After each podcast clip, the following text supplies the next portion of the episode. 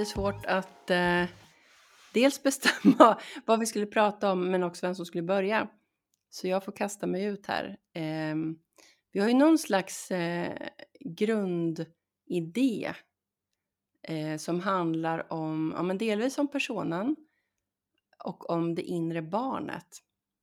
Och Mm. du har haft eh, lite spännande tankar kring ja, men, olika saker, men, men jag tänker framförallt på den här liknelsen eller berättelsen från Bibeln om den förlorade sonen.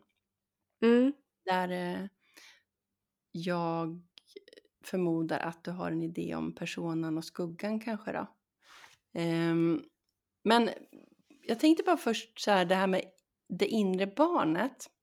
Det, jag tror att vi har pratat ganska mycket om det i tidigare avsnitt. Men om vi skulle bara börja reda ut lite vad vi menar med det. Vad tänker du när du pratar om det inre barnet? Liksom? Ja, förut så tänkte jag nog att det inre barnet var, var ett. Det var det, det autentiska, eh, Mm. kärnan i en. Men, men sen när jag har hållit på med, med de här arketyperna Mm. så har jag själv förstått det som att det finns, det finns en sån typ av kärna som är det inre barnet, som är det här hela barnet, alltså så självet som, som Mm. Jung pratar om. Men sen finns det det sårade barnet, det övergivna barnet, ehm, det beroende barnet. Alltså det finns det ehm, skadade barnet, eller vad- vad man ska säga också. Mm. Eh, som är som en skyddsmekanism som nästan är eh, eh, det här skalet kring eh, ekollonet som vi brukar prata om. Mm. Alltså det hårda skalet där som försöker skydda så att Mm. inte det här autentiska barnet kommer in. Så att egentligen är det flera barn som är, Är det inre barnet. Är det olika varianter av egot då som är de här skydden, tänker man? Eller liksom... De är roten, för mig är de roten till egots olika sidor. Alltså ur det här övergivna barnet, sårade barnet, ehm, nu glömmer jag en, det beroende barnet, så uppstår både personan och skuggan. Jag vet inte om man ska kalla det för, alltså det Jung pratade om som komplex, alltså själva, själva härvan av um, saker som, som um, programmerades in i oss när, när vi upplevde att vi var utsatta på något sätt. Mm. Och det här Och så- kan vara ett jättetidiga grejer liksom. Det kan vara så tidiga så vi har inte några minnen utav det. Sen kan vi ha Mm. situationer som vi minns väldigt starkt där vi kände oss kränkta, vi generade, Mm. ehm, missförstådda, osedda. ehm, och då slår man det här liksom skalet runt sitt, sitt ehm, spontana, glada jag, om man säger så, som bara är. Och så Mm. sen skapar man då utifrån det där skalet ett sätt att vara som man tror att det, okej, det här kommer fungera, då kommer aldrig det här att hända igen. Mm. Det är liksom en eh, försäkring mot att inte uppleva den där känslan igen kan man säga. Och då uppstår personan som är alltså sätten som vi vill visa upp för världen att vi är. Mm. Och samtidigt så skapar vi också alla de sätten som inte, vi inte vill visa upp. Och de Mm. gömmer vi ju så väl så att vi ofta gömmer dem för oss själva också. Just det. Men jag tänker på så här, allt det här med barn, olika varianter av barn, det får mig också tänka på det här med anknytningsteorier. Jag tror att det, det, är, som, det är den moderna varianten av det Mm. hela. Mm. som liksom pratar om, eh, jag vet inte ens om de har ett namn för det, liksom den friska anknytningen. Det har jag, Jo, trygg nöd- anknytning. trygg men, anknytning. men jag Mm. tänker, det är väl samma sak där, att även personer med trygg anknytning måste ju ha samlat på sig en massa olika eh, skydd och skal. Och, Jag tror inte man har någon personlighet riktigt annars, men det kan ju vara liksom att det inte är så, det är inte så laddat och det ställer inte till så mycket problem för en. nej. En trygg anknytning kanske gör att du, skillnaden mellan det sårade, övergivna, eh, beroende barnet, alltså de här, det här som jag kallar för skalet, är inte så himla stor ifrån det här eh, inre, innersta barnet, det mm. oskuldsfulla barnet. Jag tänker att skillnaden där är mindre och det är mindre spänning och därför är det heller inte så, masken är inte så tjock och tung och skuggan är inte så djup och svår utan det kanske bara är milda, av mildare slaget då. Ja, fast eller tänker jag, alltså eh, anknytningsteorin handlar väl först och främst om oftast då föräldrarna eller de som är barnets ansvarspersoner från där man är, liksom föds. Men, men, men jag tänker ju någonstans på att det här med ehm, de olika barnvarianterna kan komma senare också och lika gärna kan kanske ha med syskon att göra till exempel. Låt säga att man har en eh, brorsa som är äldre och som eh, hela tiden talar om för dig att du är dålig eller värdelös eller som själv kanske är mobbad i skolan och som tar ut det på dig. Eh, det måste ju göra någonting med dina inre barn, även om du har haft en trygg anknytning med föräldrarna. Absolut. Jag tycker att man, vart man befinner sig i en syskonskara bara spelar mm. roll. Mm. Och eh, sen tror jag också att släktingar spelar roll. Mm. Vänner? Vänner spelar absolut roll. Alltså tänk mm. dig. Hur mycket, hur mycket tid... Alltså Jung och kanske anknytningsteorin formades kanske på en tid när du bara vistades hemma hos familjen fram till skolåldern. Men nu, nu börjar du på dagis till exempel. Du, och sen skolåren, det har man kanske inte heller tagit så mycket hänsyn till, men det vet man ju att händelser tillsammans med, eller jag har i alla fall upptäckt att händelser tillsammans med vänner har spelat väldigt stor roll för att forma mig i till exempel en känslighet för att folk har pratat om mig utan att jag har varit med. Det kan jag liksom reagera ganska starkt på och jag vet, mm. jag vet nog vilken händelse det kommer ifrån. Ja, okej. Okay.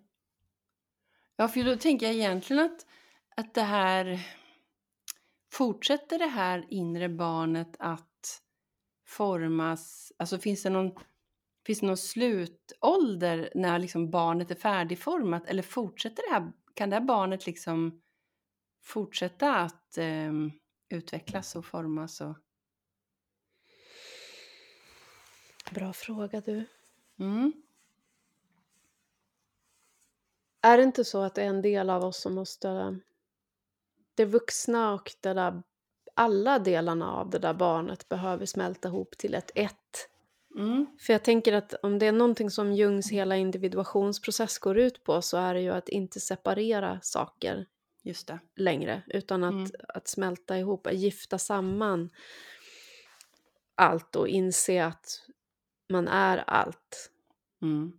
Och i och med det, bröllopet. ja, så kan du bara, jag menar, get over it, slappna av. Du kan vara precis hur som helst. Du måste mm. inte agera ut vad som helst, men inse att du besitter liksom förmågan att vara vad som helst. Och så behöver du inte begränsa dig. Nej. Alltså, det är ju ett sätt att luckra upp den här boxen. Men jag tror att de här karaktärerna, de fortsätter nog leva inom oss och påverka oss. För att de är jag tror att det ska vara så, för de är en del av vår drivrutin om man nu ska mm. använda dataspråket, vilket jag inte tycker, men det är ganska mm. behändigt för alla förstår vad man menar då. Det är liksom... Ja, men också det är en del av vår, um, vår klangbotten eller vårt tonregister eller vår, mm. vårt ackord eller ja, stämning. Jag vet inte vad man ska kalla det för. Um... Ja, men det är väl en jättebra liknelse. Det är mm. liksom den det är det instrument som vi själva deltar med i hela orkestern. Äh, ja. Allt som pågår.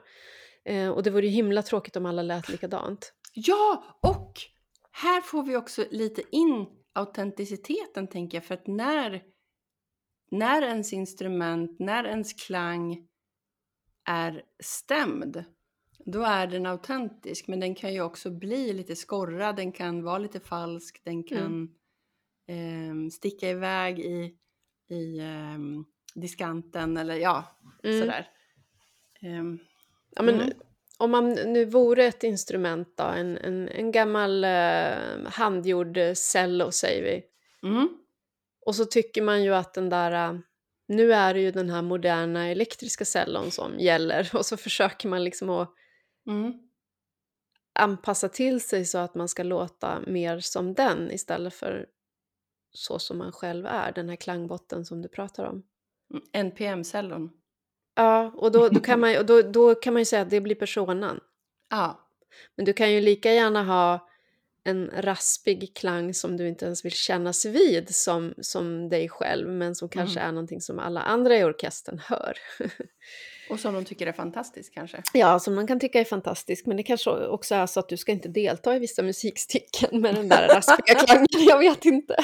Jag vet inte hur länge den här metaforen funkar men... Nu kör vi den in i kaklet Ja. Ja, nej men jag tänker så här. Jag tycker det är spännande med, med de här olika typerna av inre barn. Någonstans kommer jag ju tillbaka till, till en eh, grej om mig själv som jag har delat flera gånger tidigare. Det här med den här psykiatern jag träffade som sa att den lilla Linda behöver lära sig att hon duger precis som hon är. ja. Och då tänker jag mig att den lilla Linda någonstans är det inre barnet. Och Mm. Ehm, men då är väl det på något sätt en, en ehm, sammansmältning av alla de här olika barnen då. Jag tänker att alla de där barnen behöver ju få veta att de duger som de är. Där Mm. har du ju den här berättelsen om den, den förlorade sonen som jag tycker är ett ganska bra exempel. Där man Ska får med alla de här komponenterna. Ja, men ska vi dra den lite kort? Ja. Känner du dig sugen? Ja, men jag, jag är ju ändå Det är du den, som är mest... kyrkokompetensen här. Nej, men jag tänker snarare så här, du har ju så här gått om mig på någon slags här andlighetsnivå som är... Ja. Men jag kan hålla, jag, jag försöker med det jag kan. Mm. Och jag, det, den här lilla berättelsen, du får, du får väl flika in om jag glömmer något viktigt, men det handlar ju om eh, en, en man som har två söner och eh, jag tror det är den yngsta sonen som kommer och säger att han vill ha ut arvet på en gång för att han vill dra. Liksom. Han vill flytta hemifrån och eh, söka lyckan någon annanstans.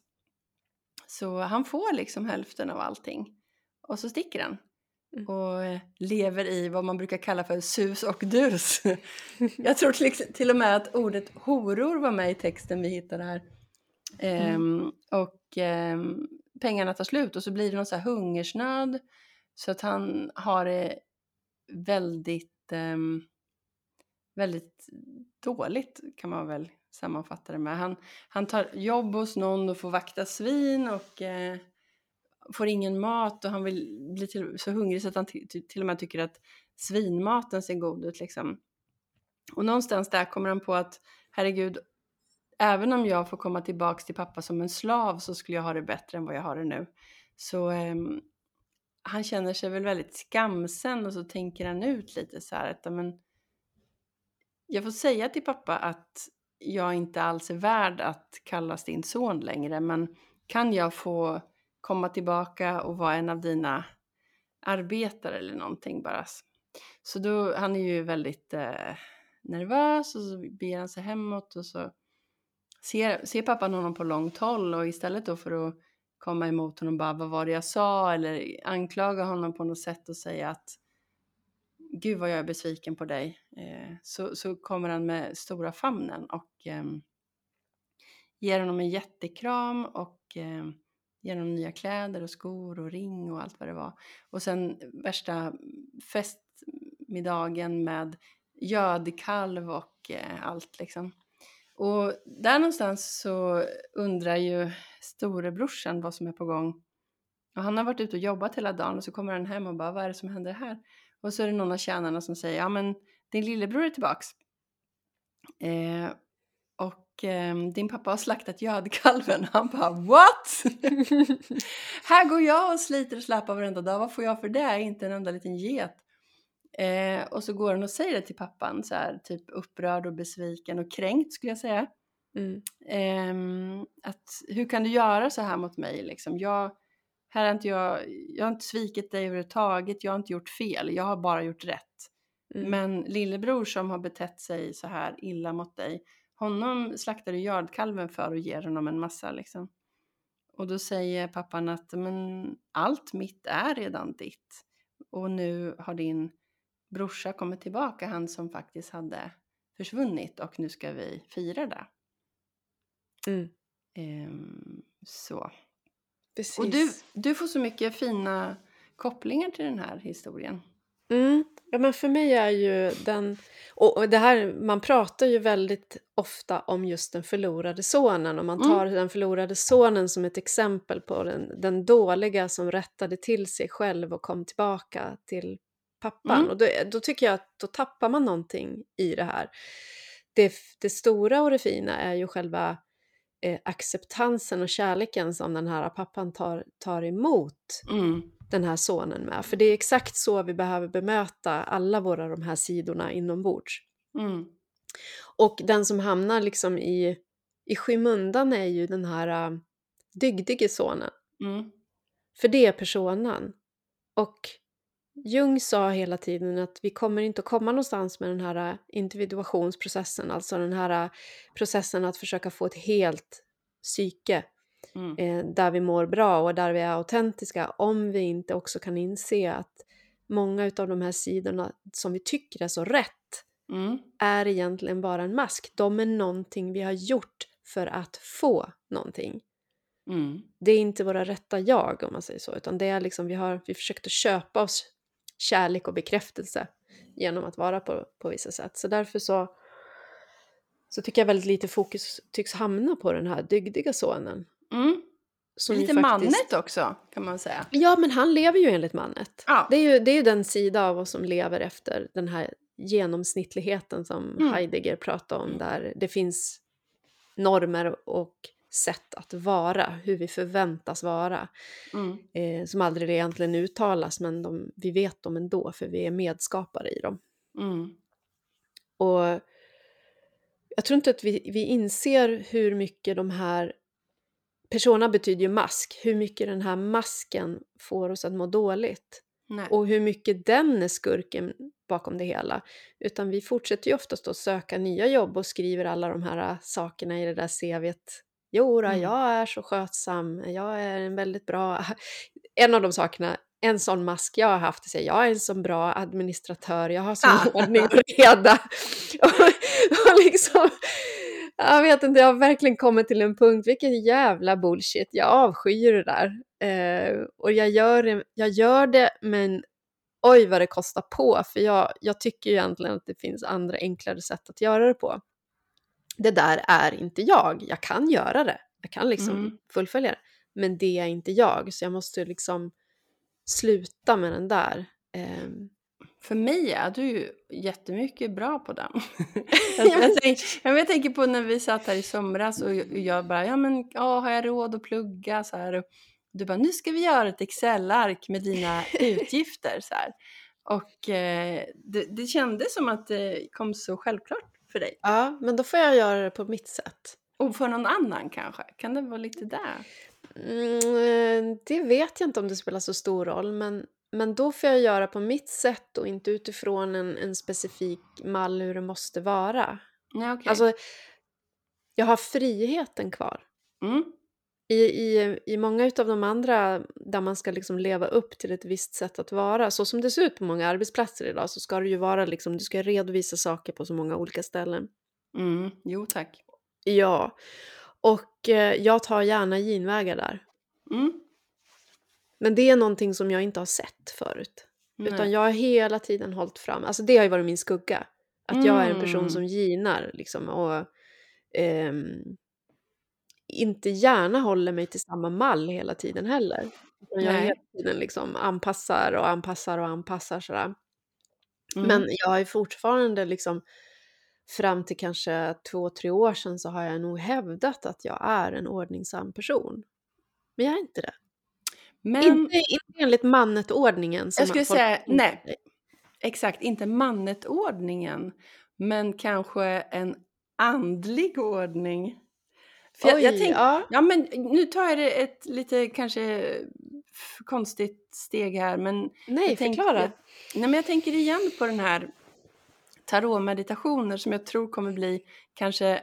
Jag har ju två tatueringar på gång. Dels är det den här eh, tyngden och nåden eh, Simon, Simon Weil-tatueringen eh, som jag tänkte ha på franska. Men sen så har jag nu känt jättestarkt att fan, jag vill ha lär dig först koncentration utan ansträngning, eh, förvandla arbetet till lek, Gör, Mm. gör varje ok du accepterar skonsamt och varje börda du bär lätt. Ja. Och det tänker jag att det är där du praktiserar på jobbet. Att du försöker göra, förvandla arbetet till lek. Och du Mm. försöker göra det liksom på ett sätt som kostar mindre ansträngning för dig. Vilket Mm. jag tänker är jätteklokt. Jo, Och- men det, och det ligger ju närmre den jag egentligen är. Mm. Som ju har fått vistas i skuggan. För det har ju, någon gång har ju jag uppfattat att det är inte okej. Mm. Utan då har jag ju utvecklat den här äh, personan, alltså masken då istället av att vara den ordningsamma administratören, den som alltid presenterar projektsiffrorna är så som man ska göra. Men Mm. fan vad jag har fått anstränga mig. Jag förstår precis, jag förstår precis. För direkt går jag ju till mig själv som man gör och så känner jag att nu borde jag fortsätta lyssna på dig. Men det gör jag inte för nu är jag redan på mitt jobb och tänker på handläggning. Mm. Som ju för mig är exakt den där grejen som du beskriver.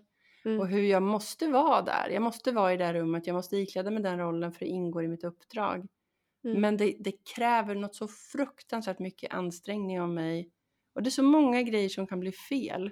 Mm. Och det är en sån stress att jag vet att det kan bli fel. Och jag känner mig så dålig när jag vet att jag lägger ner så mycket liksom kraft och eftertanke på det och så kan det ändå bli fel. Mm. Men det här är ju någonting som jag faktiskt har sagt till min chef att jag, jag tycker det här är skittråkigt och jobbigt och svårt och det tar emot och jag försöker och jag vet att jag måste göra det men Mm. jag önskar att jag inte behövt det. Mm.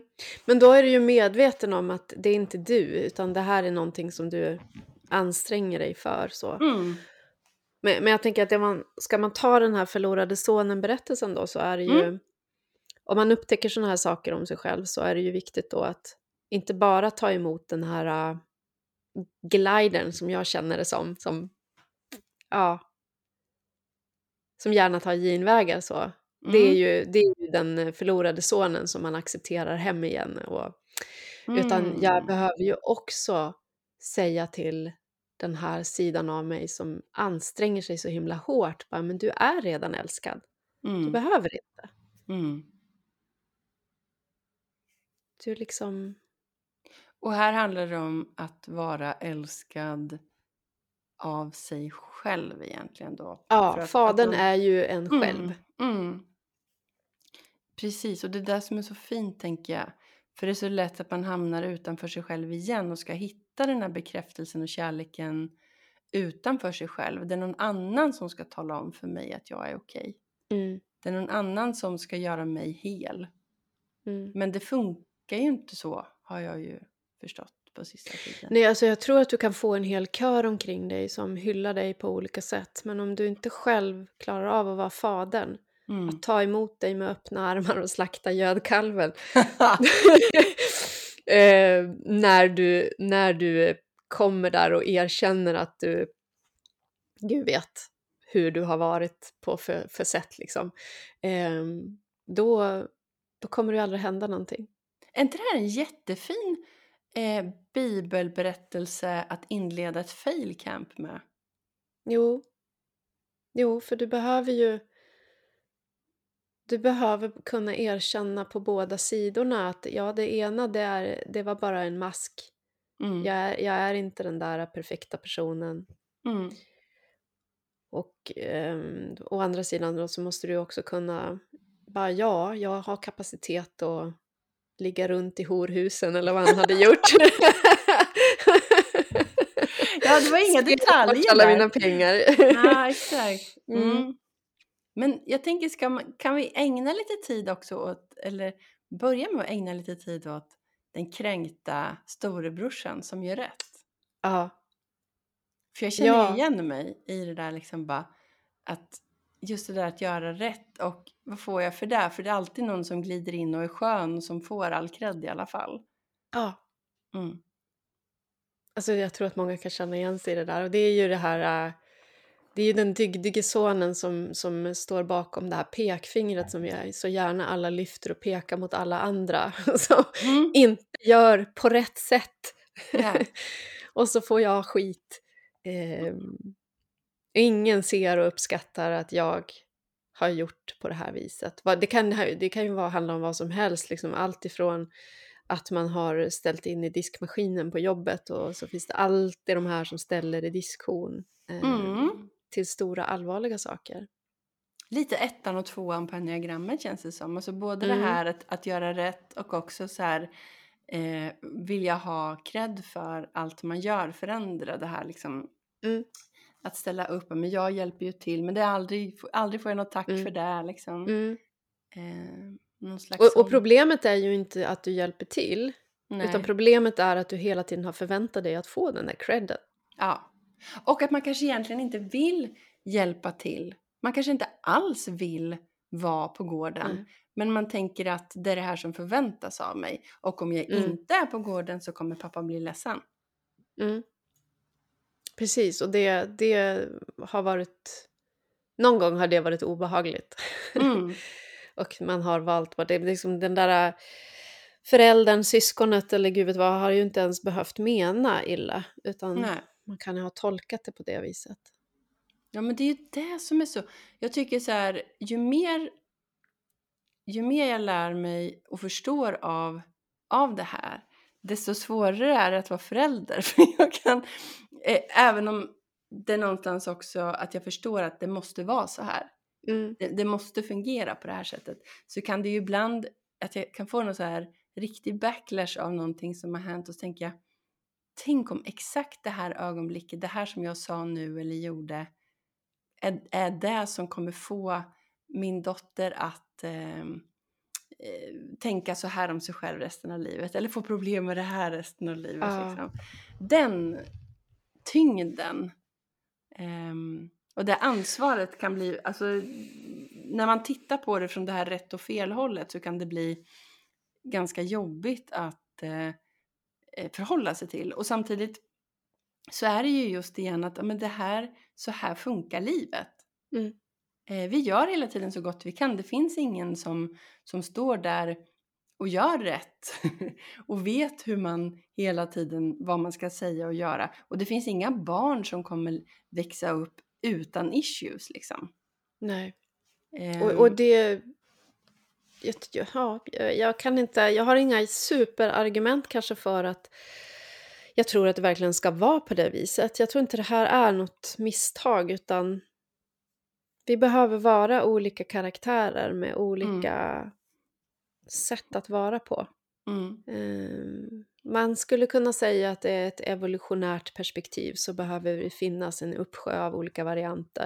Men det tycker jag är Mm. så torrt och tråkigt. Jag försöker hellre att se åt det andra hållet att jag tror att det finns ett syfte att fylla för alla mm, eh, utifrån det sätt som man just du då har formats.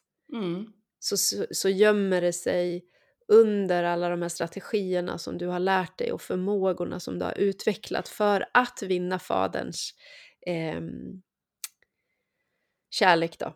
mm, Så finns det en möjlighet att förvandla det till den här, eh, knacka bort det här hårda lagret och få fram den här guldbuddan under. Liksom. Det, kan, det kan bli någonting bra om du lär dig att göra det autentiskt och genuint istället.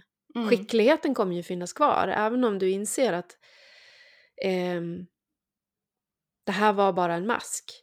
Så kommer du fortfarande att veta på något sätt ju hur, du kanske har lärt dig att läsa in människor väldigt bra, eller du har Mm. lärt dig någon annan egenskap som kan användas. Och som Ja. kan vara viktig, och som skulle aldrig skulle ha formats om du inte hade Exakt. varit rädd. Nej, men det är precis så. Mm. Och, och då lära sig att använda den igen då på ett eh, kärleks... Eh, att, från kärlek och inte från ängslighet. Ja, precis. Ehm, jag håller på att läsa Jakob Böhme nu. Jag tjatar ju om Jakob Ja, Böhme hela berätta tiden. om honom! För att du, det blev, jag blev också lite så här Alltså, jag blir ju- när vi läste, mm, när jag läste den här kursen som du läser nu, det Mm. existentiella samtalet, så fick vi ju läsa en filosof som heter Schelling som, kom, som levde, alltså under tidigt 1800-tal så skrev han en bok som hette Frihetsavhandlingen. Mm. Och jag, jag bara älskade ju mycket av det som han skrev i den där. Och att då nu läsa Jakob Böhme och få tag på eh, folk som har skrivit om Jakob Böhme och hur Jung och Schelling Mm. hämtar ifrån Böhme, vet du, då slår det slint i mitt huvud. Jag vill att- allting flyter ihop sådär. Det, är som, det blir till och med för mycket för nia. Som Åh verkligen- herregud. Jag önskar att ni kunde se Susannas blick just nu. ja, precis. Jag känner jag blir alldeles så här svettig och rosig Ja. om kinderna. Nej men det låter fantastiskt ju. Ja, men, men han har en sån underbart sätt och jag tror att ehm, alltså man, man känner ju igen Jung när man, när man eh, förstår vad den här eh, skomakaren på 1600-talet tåtade ihop. Mm. Ehm, Han såg ju rädsla, vrede, de här jobbiga känslorna som ett råmaterial Mm. som om man gav dess motsats, alltså kärlek oftast, Mm. kommer att förädlas till... Eh, han var intresserad av alkemi så han skulle ha kallat det för Mm. guld. Men, men det, för det behövs de här eh, jobbiga känslorna. Det behövs det här motståndet, sammandragningen. ehm, för att det ur det ska kunna bildas det här positiva då. Ja, såklart. Och jag tycker det är så himla fint för att då tar du både det, ehm, den dygdige sonen och du tar den förlorade sonen och de två tillsammans när den här fadern öser kärlek över dem så Mm. har du ju självet. Ja. Det är då självet liksom uppstår som en helhet. Så det är individuationsprocessen och det är ju också... Var det du som pratade? Pratade vi om det här med pärlor och musslor? Eller vem var det jag pratade... Eller lyssnade jag på något häromdagen? Ja, det är mycket intryck just nu som trängs i skallen. Men jag tänker det är också lite samma sak att det är liksom ett gruskorn Mm. som eh, blir pärla. Ja, men det är lite samma liknelse. Ja. Mm. Den, den är fin. Och Jesus föds i ett stall. Ja. Eh, alltså allt sånt här att det hela tiden är, det, det behöver skitas ner. Det kan inte vara, det behövs lika delar skit och guld eller man ska Ja, säga. och du har den i buddhismen också, för lotusblomman har ju sina rötter ner i dyn. Dyn, precis. Mm. Ehm, och här känner jag att det börjar bli intressant alltså för att eh, vi vill ju hela tiden att det bara ska vara vackert och fint. Så vi flyr ju dyn och skiten och eh, geggan. Eh, istället för att se att... ehm, ja men för vi... Jag tänker att när det dyker upp gegga och dy i livet då ser vi det ju som att det är något som har gått fel. Mm. Jag tror att det är därför Jung säger nu måste börja med personan för att så länge vi liksom sträcker oss efter den där masken och så gärna vill hålla den framför oss Mm. så kommer det inte att hända någonting. Då är vi, då är vi liksom fast vid den här idealiserade målet i alla fall. Jag, jag vet ju att inom andlighet så pratar man ju ganska mycket om spiritual bypassing. Mhm. Och då, då har du ju liksom gått in i den här andligheten och försöker vara den perfekta andliga. ja. Och då har, du ju, då har du ju bara skapat en ny mask som du håller fast vid och det kommer ändå aldrig hända någonting. Och det är ju det som är de här, alltså då riskerar du ju de här hemska sektledarna, Mm. eh, de här personerna som ska vara fina, goda, men egentligen så... Just det. Det, det, det finns en dokumentär om en sån här person, jag tror på Netflix, som heter, han heter Andrew Cohen. Mm. Alltså när man får se hur han började bete sig, Mm. Jesus alltså. Mm. Eh, och folk omkring det, honom accepterade det för man ville ha en bit av den där kakan. Man ville bli som en person som var på toppen som han. Mm. Så därför så accepterar man liksom vad skit som helst från den där personen. Ja men för någonstans är det väl då, man ska aldrig följa någon som är på toppen egentligen. Nej, Man ska aldrig ha någon annan, någon annan guru än sig själv typ. Nej, eller åtminstone ha en genuin guru som jag, jag vet att jag har nämnt den här Maharishika. Eh, Mm. hon, hon pekar alltid, en gurus eh, syfte är att alltid peka mot din inre guru. Ja. Och då ska man kunna säga det här inre barnet, alltså det autentiska barnet. Mm. Ehm, missar man det, då är de farliga. Liksom. ja, men det är som han, eh, som min man pratar om, Krishnamurti. Mm. Eh, som hela tiden också... Att, ja, men det är väl också... Jag tror också att Rob Bell nämner det i något avsnitt att eh, any leader who needs you to need them isn't the leader you need. Mm. Alltså någonstans att eh, en ledare hjälper dig att hitta får, hjälper dig att se att du har sanningen inom dig, alltså att du Mm. vet bäst själv. Mm. Eh, Men jag tänkte, åh, du sa någonting. Jo, det här att man ska bli, att det blir prestation då ju. Och att jag tänker att det kan också bli det när det kommer till det här som vi pratar om hela tiden, autenticiteten. Att det också kan bli en prestation. Eh, Ja. att, det, att det kan hamna i någon slags persona-variant också då. då. Absolut. Mm. Jag tror att allting som syftar till att, att frysa fast något i ett läge där man säger så här är jag. Mm. Då, det spelar ingen roll om jag är en ängel eller jag är, jag är en... Eh, jag vet inte vad som helst, liksom, så fort du har slagit fast någonting. Mm. Då har du ju bara gjort egentligen samma, samma sak igen. Mm. Egentligen ska man väl behålla allting som pot- potentialer. Liksom. Det, Mm. Jag är människa och i, i en människa finns en eh, uppsjö av olika sätt att vara på som olika situationer kommer att framkalla hos mig. Ja. Och vara ödmjuk inför det, att eh, uppstår någonting så hemskt som eh, det nazistiska tredje riket igen så jag har faktiskt ingen aning om hur jag kommer reagera där men jag behöver vara på min vakt för jag kan bli hur som helst. Mm. Saker att- kan hända. Ja, precis. Saker kan hända. Man kan ändra sig. Man förändras hela tiden.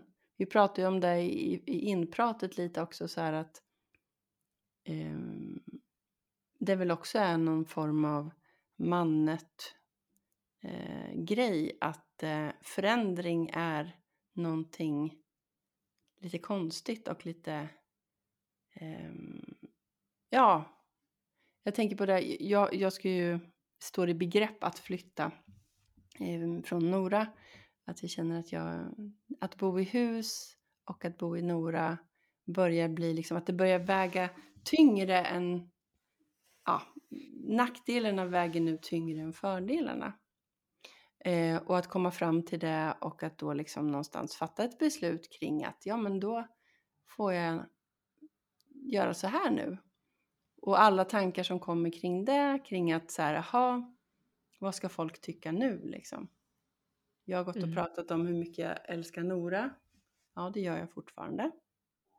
Men får man göra så här liksom? Får man, får man tänka att man vill bo i hus och, och ha trädgård och tycka att det inte är jobbigt att pendla fram och tillbaka till Örebro och sen känna annorlunda efter två år? Är det okej? Mm. Eh, alltså de, de den, ehm, den känns också som en sån där persona-grej någonstans. Att det, det är finare att lyfta fram att slå sig till ro eller att hitta rätt och att bestämma sig och att, eh, Mm. ja. För det kan jag känna, det är, det är en sån här grej, där måste jag ju någonstans bara acceptera mig själv, att jag är inte en person som slår mig till ro på det här sättet. Eller att jag liksom vet att här kommer jag nu bo resten av mitt liv. Eller att det här jobbet kommer jag alltid vilja ha. Mm. Jag håller med. Det är ju någon typ av norm. Det här... Det vilar som att det ska vara ett misslyckande om äh, Mm. jag provar att flytta utomlands. liksom, Eller jag flyttar utomlands för ett jobb som känns helt fantastiskt och så Mm. sen ångrar jag mig efter några år. Eller inte ens ångrar sig Nej. utan, utan det bara, just nu är det inte Ja. rätt. Nej, Det, handlar inte det om att man följer med snarare än att... För jag tänker någonstans, vi pratar ju mycket om det här med livsflödet. mm, Ehm, handlar inte det om att vara öppen för att följa med i livsflödet? Och ha den här, liksom, det här förhållandet snarare liksom vilja, för, vilja vara i nåden mer. Mm. Eh, för jag tänker att så fort man stänger och låser och bestämmer sig och som du sa, så här, sån här är jag, Mm. då är det ju tyngden istället. Och jag tänker Mm. att ehm, då, då kanske man känner att man gör rätt, men, men man, har, man har liksom bygger sin egen bur på något sätt. Precis, det blir en ny tankebox. Lite som, den förlor- alltså som, som storebrorsan i, Mm. i berättelsen igen. Mm. Ett nytt rätt. Mm, Och det är väl vad den där masken består av, ett, ett nytt rätt. Liksom. Ehm, ja, och vi bygger ju en, en, en bur åt oss själva då som vi måste leva upp till hela tiden. Och det är också något slags försök att ehm, frysa livsflödet. Ja, exakt! Att, in, att inte Kontroll. acceptera det, precis. Mm. Kontrollera det till de här ramarna och Mm. vi, vi vill ju så gärna ha förutsägbarheten. Mm. Eh, men om det är någonting detta livsflöde inte består av så är det ju, jo, man skulle kunna säga att det finns en förutsägbarhet och det är att alltid kommer för, allt kommer att förändra sig. Ja, det Ehm. enda konstanta är förändring. Ja, det är nog det enda man kan liksom hålla sig till där. Mm. Och, och egentligen tänker jag, de här dygdige sonen och den förlorade sonen, man kan ju också se dem som representanter för eh, de här två olika krafterna som är igång i, i det här livsflödet. Och det är ju, Mm. det brukar kallas för ordning och kaos. Mm. Men då tycker jag ju att kaos har fått lite oförtjänt dåligt rykte. För kaos är ju egentligen friheten. Just det. Och det är, det är den som står för kreativiteten och det nya. Höger Eh, hjärnhalva. Ja, och b- brukar ju då taggas det feminina också inom olika livsåskådningar. Mm. Eh, därför att den, den kommer, ur den kommer en impuls till någonting nytt. Ehm, Mm. och på den andra sidan då så står ju den här äh, dygdiga sonen som gör allt rätt och som, in- som inte vi heller vill förändra då de här ramarna som är rätt. Disciplin. Ja, där hans rätt fungerar. Mm. Ehm, och då, då har vi ordningen där, som ju också behövs. Mm. Alltså man behöver pendelgången mellan de här båda, men så länge man liksom förnekar en av dem Mm. och håller en utestängd. Man måste liksom ha en fot i varje. Det är det där spänningsfältet som vi... Ja, pratar om. hela tiden. Och jag tänker den här, den, här, den här bilden du delade häromdagen som jag också såg eh, i mitt flöde som jag följer allt som du följer. Du är min guru Susanna. Eh, Mm. Nej men den här, ehm, den här med cirklarna där det var discipline i ena cirkeln, surrender i den andra. Det skulle då kunna stå för kaos i det här fallet. Ja, ja, Och mellan, alltså skärningspunkten i de här, mellan de här cirklarna är flow. Det skulle kunna vara Precis. livsflödet eller um, Ja. bliss eller em, ja, balans, jag vet inte. ja, för då är du ju, då är du em, ja, men i det här som taoismen kallar för wu wei, där du är liksom em, som ett vasstrå i vinden så här. Du förmår Mm. att följa, följa med. Eller wu Mm. de använder ju det som i eh, kampsporten också. Du använder den kraft som kommer och Mm. rider på den vågen. Liksom. Du, du försöker inte att streta emot den. Mm. För, för då skapar du liksom o, smärta och ehm, att saker kan gå sönder. När du Men- forcerar fram, det är då du ställer till kaos. Just det. Undrar om det är att utnyttja, alltså det är lite som du får så här sportreferens när folk, men du vet när folk eh, ligger som i skidlopp, heter det skidlopp? Eh, att de turas om och dra liksom. Ligger man Ja. i rygg att de får bättre glid, de får mindre motstånd av luften. Det är likadant att ligga på rull bakom någon i cykeltävlingar och Ja, så gör ju änderna och de som flyger i såna här V-formationer också. ja just det. Man turas om att dra där. Mm. Ehm, Pratar vi fortfarande om det inre barnet? Det känns som att... Jo men det gör vi väl på något sätt. ja, men det gör vi. Mm. Men, men det finns så många olika sätt att prata om det inre barnet och ett sätt är ju att, att ge det mer ett ansikte. Mm. Och det tror jag är, är hjälpsamt för annars blir det liksom en psykologisk term och mycket Mm. svårare. Ehm, jag tror att eh, det inre barn, alla de olika inre barnen dyker upp på olika sätt i våra drömmar till exempel. Ja, Ehm, har du någonting du vill berätta där? Alltså där har jag ju inte kanske... Jo men där, jag har ju berättat en dröm tidigare som jag hade i våras. Det finns ju Mm. med i, i något avsnitt där när jag hade den här fängelsedrömmen när ehm, jag skulle stängas in i en kliniskt vit sida och Mm. låsas in i en cell där, där alla, alla andra i cellen var helt apatiska och livlösa. Mm. Och allting var vitt. Så fanns det en annan sida av det där fängelset som jag skulle gå till för att jag visste att jag hade en bok där som jag gärna ville ha med mig i den här cellen för jag förstod Mm. att det här skulle bli väldigt tråkigt. Eh, men där mötte jag ju på den här färgstarka sidan där det var fest och glam och det var röda färgtoner, gula varma färgtoner så var det ju ett barn jag mötte där. Mm. Det tror jag var det inre barnet. Alltså jag tror att det var den här oskuldsfulla, autentiska Mm. barnet. Men jag var som inte redo för det barnet utan jag, jag skulle ju gå och låtsas in i fängelset så att när det här barnet försökte få igång mig Mm. så, så gick jag ju bara förbi och gick iväg och förklarade vuxet att jag skulle minsann gå och låsas in här på andra sidan. Så att, Och att Han- du skulle läsa teori. Du, du hade inte tid Mm. med det praktiska. nej, jag hade verkligen inte tid med den fria, kreativa eh, sidan överhuvudtaget. Jag vill också minnas att jag gjorde den här drömmen lite dirty. Gjorde du? Ja, jag har för mig att jag fick in något med fallossymboler och, och det var någon palm. Ja. Eh, och jag bara...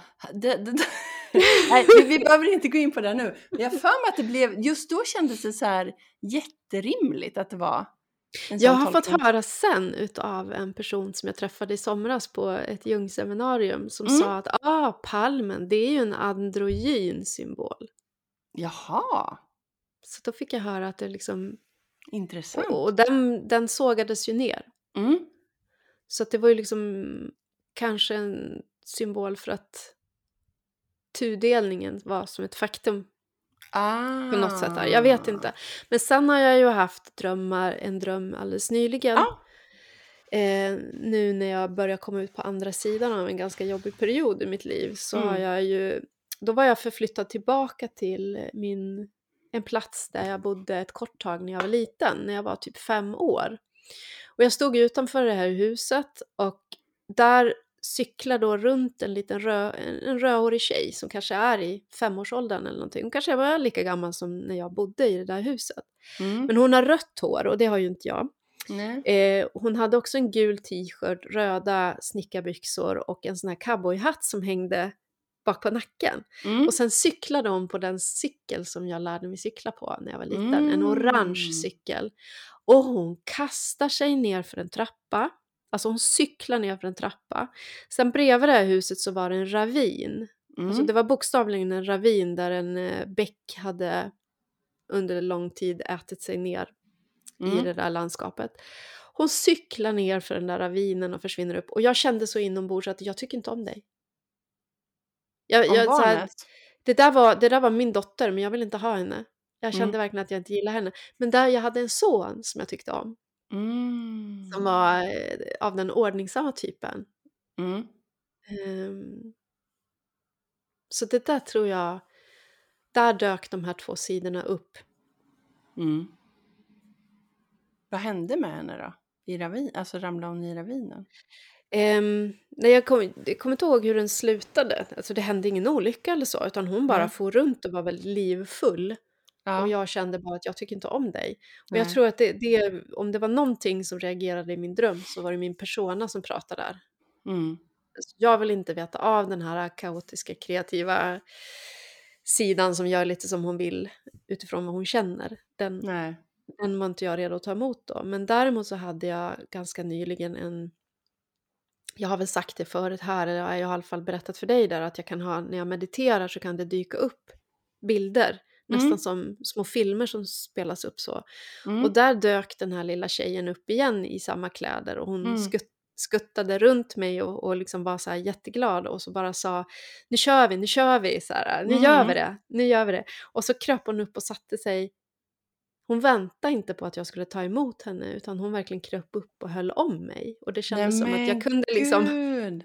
jag kunde lägga armen om henne och bara, ja, ja men vi kör. Jag vet inte vad hon menar, eh, vad det där skulle syfta på, vad som skulle hända eller så, men det kändes som ett, ett slut. Ett, Okej, jag har tid för dig nu.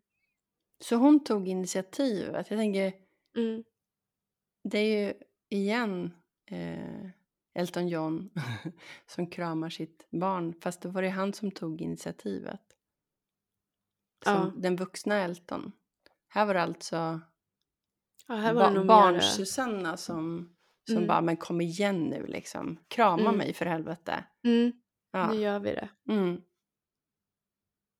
Gud vad fint. Och jag har haft sån fruktansvärd energi förra veckan. ja. Jag, jag har väl inte åstadkommit några stora saker sådär, men det är bara det att jag känner en, en livsenergi. Så vi mm. får se hur länge det varar. Mm. Men vad häftigt. Mm. Vad coolt att, för hon, jag, kan, jag kan ju någonstans förstå så här, hon har, hon har försökt först i liksom fängelsedrömmen bara, men kom igen liksom, man Mm. kan ha kul vet du.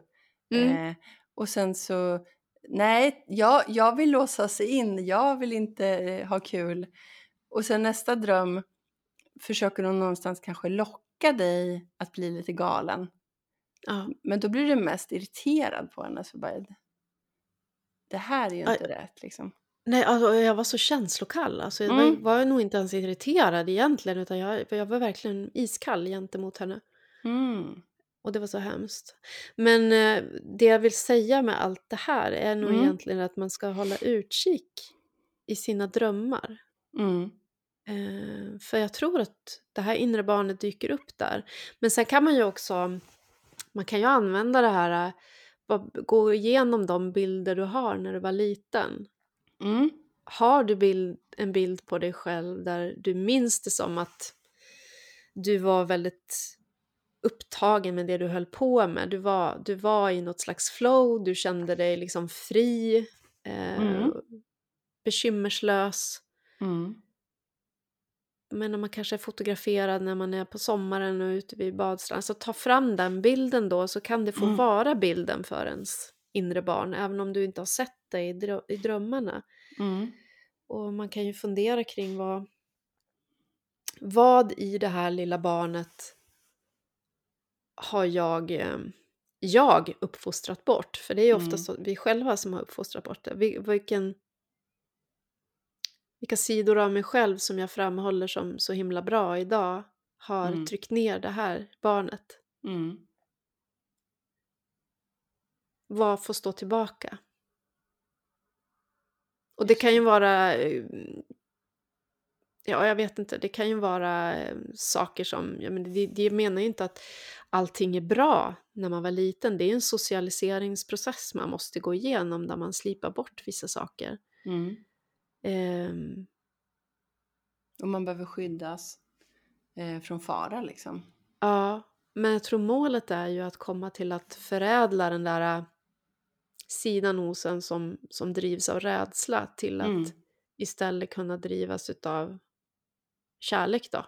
Mm. Alltså att man, om man tar emot och accepterar sig själv. Mm. Herregud, blir det någon ordning på det där? Blir det begripligt? tror, jag, jag, alltså jag tänker snarare att det är svårt att se, se begripligt och tydlighet när man är mitt i ett utforskande. Mm, Vi pratade om det idag, att det är också svårt att få syn på när man är i en relation, hur, hur den egentligen ser ut. Det kan behöva gå några år innan man kan se sig själv och den andra och relationen. mm, Och det är väl samma sak här, tänker jag. Det, det är svårt att... Det är så mycket som är uppe i luften nu och yr omkring. mm. Ehm, men det, jag tycker det är begripligt. Och jag Ja, tänker, huvudsaken är att vi tycker att det är beg- begripligt. Då kanske det blir Precis. någorlunda begripligt om någon Ja. lyssnar. och det där är ju det mm, allra innersta, autentiska barnet. Men man kan ju också fundera över vilken typ av ja, skadat barn man kan vara då, som är roten till att man har gjort den här uppdelningen i sig själv i sånt, saker som man, så här får man vara och här, så, så här får man inte vara. Ja. Eh, är man, hör man till det övergivna barnet, alltså ehm, är man en som, som känner att man inte blev sedd, att man blev övergiven bokstavligt kanske till och med, att man liksom inte Mm. finns, fick behov tillgodosedda. Mm. Blev man kränkt? Blev man... ehm, eh, ja, hör man mer till det sårade barnet då? Att man har fått utstå...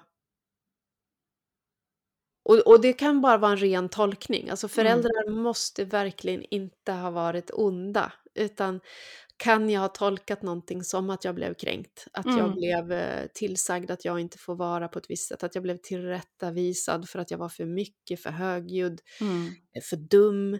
Ehm, ja, det finns ju en Men hel det var- buffé.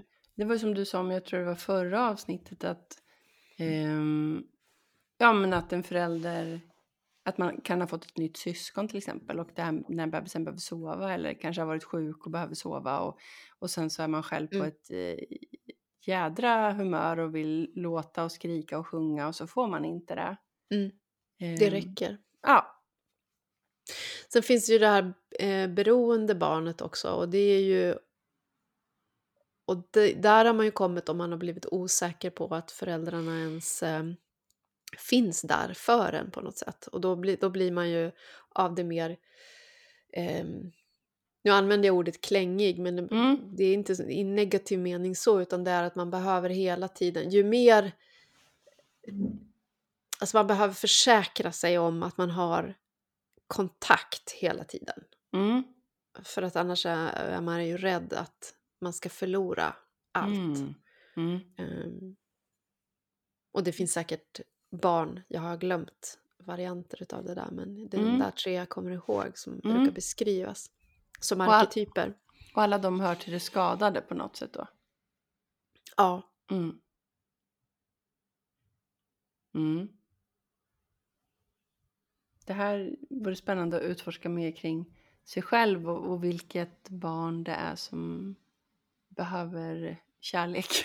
mm. Vilket av de där barnen tror du du tillhör då?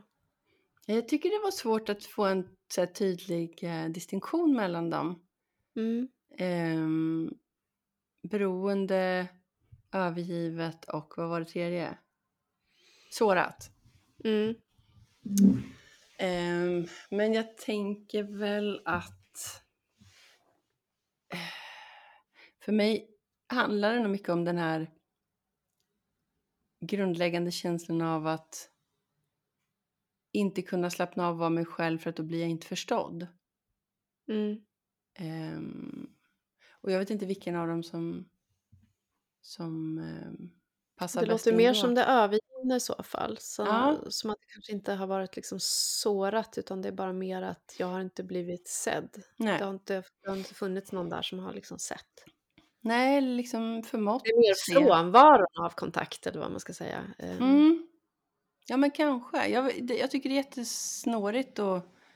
Jag tror det, ehm, ja, men här har du nog anknytningsteorin ja. som du var inne på. Mm. Eh, för jag tänker att det beroende barnet är nog den där ambivalenta Ja. anknytningen. Mm. Ehm, otrygg. Ja, det är klart. Nej, den, inte, den där måste jag tänka på lite grann. Men jag tror att du skulle kunna få kategorisera dem utifrån anknytningsteorin. Om jag Mm. bara var lite bättre på dem. Du själv då? är Övergivna barnet. Mm. Definitivt. Jag känner verkligen igen mig i det. Ehm, Är inte det lite nian också tänker jag? Att eh, då eh, någonstans eh, försöka bli massa olika, på massa olika sätt för att eh, bli, eh, accepter- bli, bli förstådd, bli accepterad. Att man tänker, "Ja, men det kanske är så där jag ska vara, det kanske är så där jag ska vara. mm, Därför att det ursprungsoriginalsättet inte riktigt har funkat liksom. Eller man har i alla fall tolkat det som att det inte har funkat. Ja, och mitt eget fall är det nog så himla sorgligt att jag utgår ifrån att ingen är intresserad av mig. Ingen, ingen finns där och, och bryr sig. Och nu Nu tror jag att alla tänker så här, vad har hon haft för föräldrar? Helt normala föräldrar. Det krävs inte så mycket för att man som barn ska tolka saker på Nej. olika sätt. Alltså Nej. man kan bara säga att jag, jag är sju år äldre bror, det bara går att föreställa sig. De var en färdig familj, livet pågick och här kommer Mm. jag som ett litet barn. Liksom, Mm. ehm, det, det pågick saker som jag inte förstod mig på och som jag var för liten för. Som de kunde liksom ägna sig åt för att de var liksom en etablerad familj redan. Mm. Så det räcker ju bara med det. Det var ju Mm. liksom inga stora grejer. Men jag tror att jag räknar bort mig själv så pass mycket och det handlar väldigt mycket mer om att bara överhuvudtaget vara med på ett hörn tror jag. Mm. Men jag utgår nog alltid ifrån att jag är jag är redan övergiven. Jag behöver inte ens liksom kämpa för att inte bli övergiven utan det är utgångsläget. Mm. Mm. Jag känner ju igen mig väldigt mycket i den här äh, sagan om den fula ankungen på något sätt. Mm. Det är liksom en, en sån här känsla av att, Växa upp i fel familj. ja, lite grann så. Mm. Mm. Men ähm, ja, det vore så spännande att liksom få, få lite kommentarer där man kanske törs dela lite grann själv vilken, vilket barn man är och om man har brukat drömma om sitt inre barn och sådär. Jag tänker vi får ha någon form av... Jag, tänk, jag drömmer högt nu. Och Mm. tänker att eh, vi får ha någon form av... Jag vet inte vad än. Jag tänker någon, någon slags kombo. Failcamp, inre barnet, hjältinnans resa, autenticitetscamp. Eh. Jag ser rubriken framför mig, fick inte plats. Nej.